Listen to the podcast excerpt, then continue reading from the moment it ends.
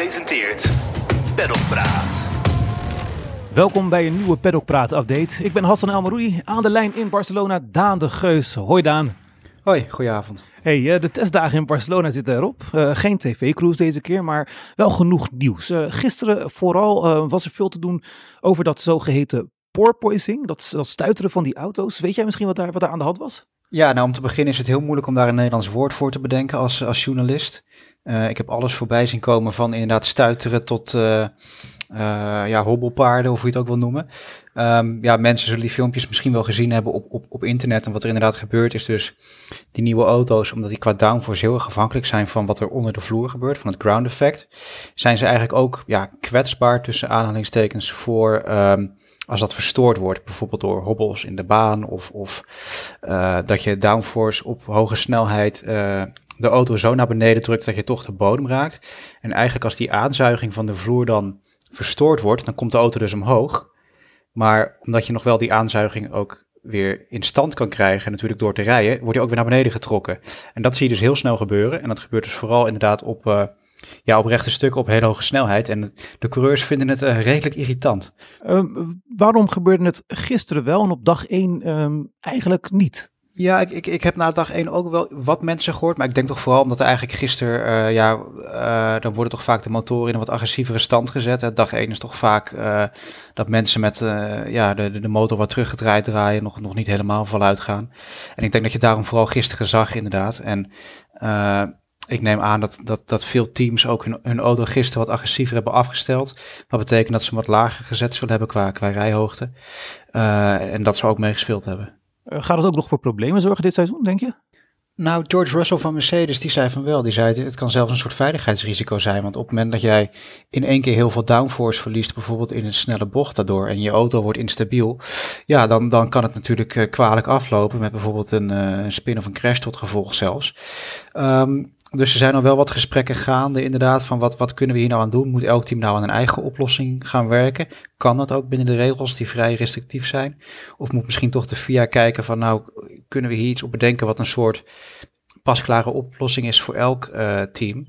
Dus uh, ja, daar gaat absoluut naar gekeken worden. Maar ik vermoed dat we in Bahrein uh, al wel teams met oplossingen zullen zien. En, en dat aan de hand daarvan gekeken gaat worden, inderdaad, van ja, moet elk team dit nou zelf fixen? Of, of gaan we als sport zijnde een soort ja, extra regel invoeren om dit een beetje te, te beperken. Want het is wel iets waar ze zich dus inderdaad zorgen over maken. En zoals je kan indenken, als jij 300 km per uur rijdt en je auto begint ja, op en neer te gaan, dat is niet zo prettig.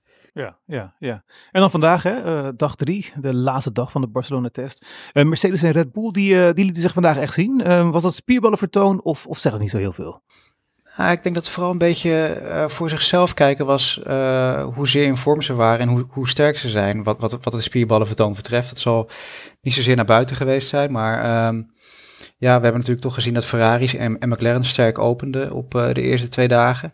En ik, ik denk dat, dat, dat je toch vooral ziet, omdat die nieuwe auto's echt zo, uh, zo onbekend zijn nog voor de teams, dat ze wat minder aan sandbagging doen. Dat ze misschien toch iets meer aan het kijken zijn van nou, waar ligt onze limiet? En dat zal misschien niet betekenen dat ze al 100% gaan, maar misschien wel dat ze uh, hè, uh, ja, 95 of 90% gaan waar ze dat normaal in de test toch echt niet zouden doen. Dus dat betekent dan toch wat eerder op zachte banden rijden, wat we Mercedes vandaag uh, hebben zien doen op vrijdag. En misschien met wat minder brandstof uh, in de tank. En het grappige is dan dat je inderdaad gelijk ziet toch weer dat Mercedes en, en, en Red Bull er gewoon ja, de eerste vier plekken innemen. Net alsof er niet een regelwijziging is geweest. Maar het zegt, het, zegt natuurlijk nog niks voor het daadwerkelijke, daadwerkelijke uh, competitieve plaatje. En dan de man die met de nummer 1 rijdt, Max Verstappen. Met wat voor gevoel vliegt hij naar huis? Ja, wel tevreden. Uh, hij heeft uh, woensdag enorm veel ronden gereden, 147 volgens mij. Dat is meer dan twee raceafstanden, ruim meer. Uh, vandaag iets minder ronden, moest hij natuurlijk ook de auto delen met, met Sergio Perez, zijn teamgenoot bij Red Bull. ze hebben niet helemaal kunnen doen wat ze wilden vandaag, omdat er een paar rode vlaggen waren. Situaties waarin de, de training even werd stilgelegd auto's die stil vielen of, of, of een crash zelfs hebben we nog gezien van Pierre Gasly. Um, dus dat was een beetje jammer, maar hij, hij, liet wel weten na afloop van ja, het was gewoon een hele nuttige test, heel productief. We hebben een goed gevoel gekregen bij de auto, we hebben een goede indicatie gekregen van wat hij kan en nu zullen ze hierop uh, moeten voortborduren in Bahrein uh, half maart. Deed hij ook nog iets anders dan, dan de andere coureurs met de auto? Nou, er ging zo'n verhaal rond dat hij zijn rijstijl heel erg zou hebben aangepast. Uh, we konden gisteren met, als Nederlandse pers even met Max spreken. Toen vroegen we dat ook natuurlijk. Toen moest hij eigenlijk een beetje lachen. Toen zei hij van ja, ik, ik pas mijn rijstijl eigenlijk elk weekend aan. Gewoon aan hoe de auto het snelst is. Um, dus ja, er, gaan wel wat, wat theorieën en verhalen rond. En, en, en, die kun je ook wel op internet vinden. Hè, van waarom zou dat nou zijn? Is dat nou omdat die auto's nu zo, zo anders zijn? Dus een andere downforce uh, vergen.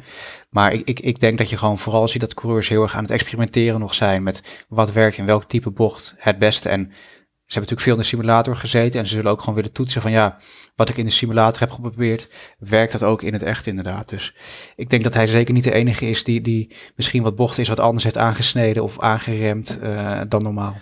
Begin van de middag uh, werd de baan opgespoten met water. Hier hadden we het uh, twee dagen geleden bij de vorige update ook even over. Um, hoe ging dat en, en, en had het überhaupt wel nut? Ja, het ging inderdaad met een paar grote tankwagens. Die, die hebben een paar rondjes gedaan op ja, vrij langzame snelheid natuurlijk. Om de baan helemaal, helemaal ja, uh, blank te laten staan eigenlijk. Um, en had het nut? Ja, dat zeker nut. Want er zijn behoorlijk wat runs gedaan op, op regenbanden dus ook. En ook nog wat op intermediates. Dat is de, de, de tussenband eigenlijk, tussen droog en natweerband. Um, al was het opvallende wel natuurlijk dat zoals het dan altijd gaat, is dat, dat je toch de grote jongens vaak ziet die een beetje afwachten tot de kleintjes de baan droog rijden. Um, al was de uitzondering daarop Daniel Ricciardo van McLaren, die, die in het begin heel veel, veel ronden heeft uh, gedaan. En ik denk dat vooral voor de bandenleverancier Pirelli heel nuttig is geweest om te weten van, ja, hoe hebben die banden dat nou echt gedaan op een representatieve auto? Uh, want dat, dat is toch heel moeilijk. Uh, ze hebben al hun testwerk eigenlijk gedaan met een soort ja, omgebouwde auto's van voorgaande jaren. En die zijn toch niet te vergelijken of moeilijker te vergelijken met die van nu natuurlijk. Dus het was heel nuttig in die zin we hebben nu drie dagen uh, testen gehad. Het is heel moeilijk om, om deze vraag te beantwoorden, maar kunnen er al conclusies getrokken worden? Nee, echt harde conclusies niet natuurlijk. Maar ik denk, als je voorzichtig een beetje tussen de regels doorkijkt, dat het er wel weer op lijkt dat Red Bull en Mercedes, uh, ik wil niet zeggen dat de kloppige teams gaan zijn, maar zeker vooraan gaan meedoen. Um, die, gaan absoluut weer races winnen dit jaar. McLaren en Ferrari lijken zoals verwacht wel stappen gezet te hebben ook. Dat waren de teams die vorig jaar natuurlijk derde en, en vierde waren. Uh, en die, die zien er gewoon allebei heel goed uit. De grap met Ferrari is vaak, die wordt dan gemaakt van ja, als zij een goede winter hebben, dan weet je dat ze de boel een beetje hebben lopen managen misschien. En dat ze misschien eigenlijk helemaal niet zo'n goede auto hebben. Dat het vooral om de schijn ging. Maar dat is meer het Ferrari van vroeger en niet het Ferrari van nu. En het lijkt toch wel alsof ze het redelijk op de rit uh, hebben. En de McLaren ziet er ook gewoon heel goed uit. Dus dat zijn wel de vier teams waar iedereen in positieve zin het meest naar kijkt. Met natuurlijk de verwachting ook wel vanuit uh, McLaren en Ferrari wordt het uitgesproken dat Mercedes en Red Bull nog het sterkst zullen zijn. Uh, vooral van Mercedes denk ik dat we in Bahrein tijdens de tweede test uh, ook weer wat, wat nieuwe dingen op de auto gaan zien. Dat is een beetje hun, hun vaste aanpak. En ja, in negatieve zin wie tegenvielen, eigenlijk Alfa Romeo en Haas vrij weinig gereden veel problemen bij Haas, ook op, op het commerciële vlak natuurlijk, op het publicitaire vlak, door die, die, die Russische band uh, die ze hebben. En Alpine, het uh, team waar Fernando Alonso zit, viel toch ook enigszins tegen. Uh, niet echt indruk gemaakt. Wel redelijk wat gereden op woensdag en donderdag, maar er bestond toch wel een vermoeden dat ze enigszins met de handrem erop reden. En ja, vanochtend, vrijdagochtend gingen ze voluit en toen stond Alonso ja, toch al redelijk snel rokend aan de kant en hebben ze ook niet meer kunnen rijden daarna. Ja, je had het net al over Haas. Hè? Um, die gaan met een witte auto rijden. Um, dus de, de kleur van de, de, de, Russische vlag gaan we niet meer bij hun, bij hun eh, zien op de auto. Um, vandaag kwam ook het nieuws naar buiten dat de, de, de, GP van Rusland niet gereden gaat worden. ja, en Haas heeft natuurlijk een hele sterke band met Rusland. Uh, met Nikita Mazepin en, en zijn vader als, als grote sponsor. wat, wat, wat betekent dat voor hun? Ja, Gunther Steiner, de teambaas, kwam vanmiddag even tekst en uitleg geven aan het uh, journaal. En, en die zei eigenlijk alles wat je zou verwachten dat hij zou zeggen. Hè, van, ze hebben nu dit eraf gehaald om een signaal te geven. Het juiste signaal, denk ik ook. Dat zei hij ook, van we denken dat dit wel het juiste signaal is. Um, en volgende week moeten ze eigenlijk alle juridische zaken gaan regelen met uh, Uralkali, het bedrijf dat dan hun titelsponsor is. Dat wijst er een beetje op dat die deal waarschijnlijk ontbonden gaat, gaat worden. Of dat er in ieder geval een verandering in zal komen dat dat niet meer zo prominent uh, zichtbaar is. En ja, voor het team is dat natuurlijk financieel uh, lastig. Uh, Steiner zou wel kijken, we zijn financieel oké en er zijn wel andere manieren om budget te vinden. Maar ja, Haas heeft altijd moeite gehad om sponsoren te vinden natuurlijk. Ze hebben ook al die hele soap gehad met uh, Rich Energy, een energiedrankjesbedrijf, uh, wat ja. ja. enigszins loesje was, of het nou wel of niet bestond en, en dit of dat. En die deal klapte toen ook uiteindelijk. Dus voor Haas is het, ja, het is een beetje raar om het in die context van die oorlog te zeggen, maar voor Haas is het vervelend natuurlijk. Uh, voor Nikita Mazepin als coureur ook, want zijn toekomst is daardoor onzeker. Aan de andere kant, als zijn vader uh, ja, via een of ander, uh, hoe zeg je dat, veilig land of neutraal land, alsnog die, die middelen naar Haas kan krijgen, die financiële middelen, dan is het ook wel weer in de Formule 1 zo dat je er vermoedelijk niemand over zal horen klagen. Hey, um, we hebben een, een, vraag van een luisteraar, Marcel van Tol. Um, hij wil weten, wat is nou het verschil tussen een pull rod en een pushrod ophanging? Ja, nou allereerst hartstikke leuk dat hij een vraag instuurt. Mensen die dat willen doen, moeten dat ook vooral doen. Dat kan via uh, redactie.formule1.nl. Um, ja, pull rods en push rods. Het gaat dus over de ophanging inderdaad. Het is een beetje lastig om het uit te leggen zonder, uh, ja, zonder plaatjes erbij. maar eigenlijk, om het heel simpel uit te leggen, van voren gezien loopt een pushrod loopt van de bovenkant van ja, de, de neus, de voorkant zal ik maar zeggen, schuin naar beneden naar het wiel.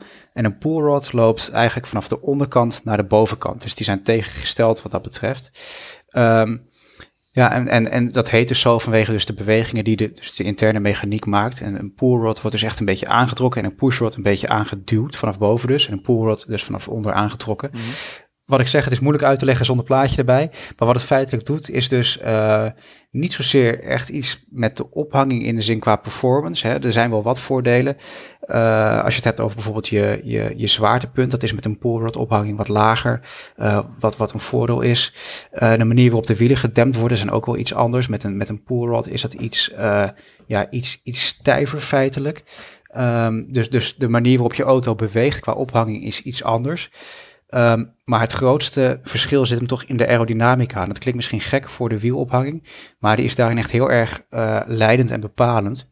Daarom zie je ook dat teams eigenlijk niet meer, uh, niet meer met normale ophangingstangen rijden, maar die zijn allemaal een beetje ja, vormgegeven. Hè. Het is natuurlijk allemaal carbon. Uh, vooral, dus het zitten ook vaak verstopt. Hè. Dat wordt niet heel erg ingeperkt, maar een beetje vleugeltjes of vormpjes aan die de lucht moeten sturen. En het voordeel van een pullrod daarbij is dat je eigenlijk meer ruimte hebt om de lucht te sturen. En juist nu we die nieuwe auto's hebben, die, die uh, heel veel van hun downforces uit de, de vloer halen, uit, uit de luchtscham onder de vloer, kan het wel eens een voordeel zijn. En er zijn dus twee teams die ook echt bewust hebben gekozen voor, voor poolrods. En dat zijn McLaren en Red Bull. En dat is eigenlijk vrij opvallend, want sinds 2015 uit mijn hoofd hebben we poolrods eigenlijk niet echt meer gezien wat de voorwielophanging betreft. Um, en het, het interessante is ook, het is, het is vrij moeilijk om uh, met, met de huidige regels en de auto's die al zo ontwikkeld zijn, toch? Om nog te zeggen van we switchen. Dus het kan best zijn dat uh, dit, een, dit een voordeel is voor, voor McLaren en Red Bull. Uh, maar het zal niet een, een, een absolute gamechanger zijn waarschijnlijk.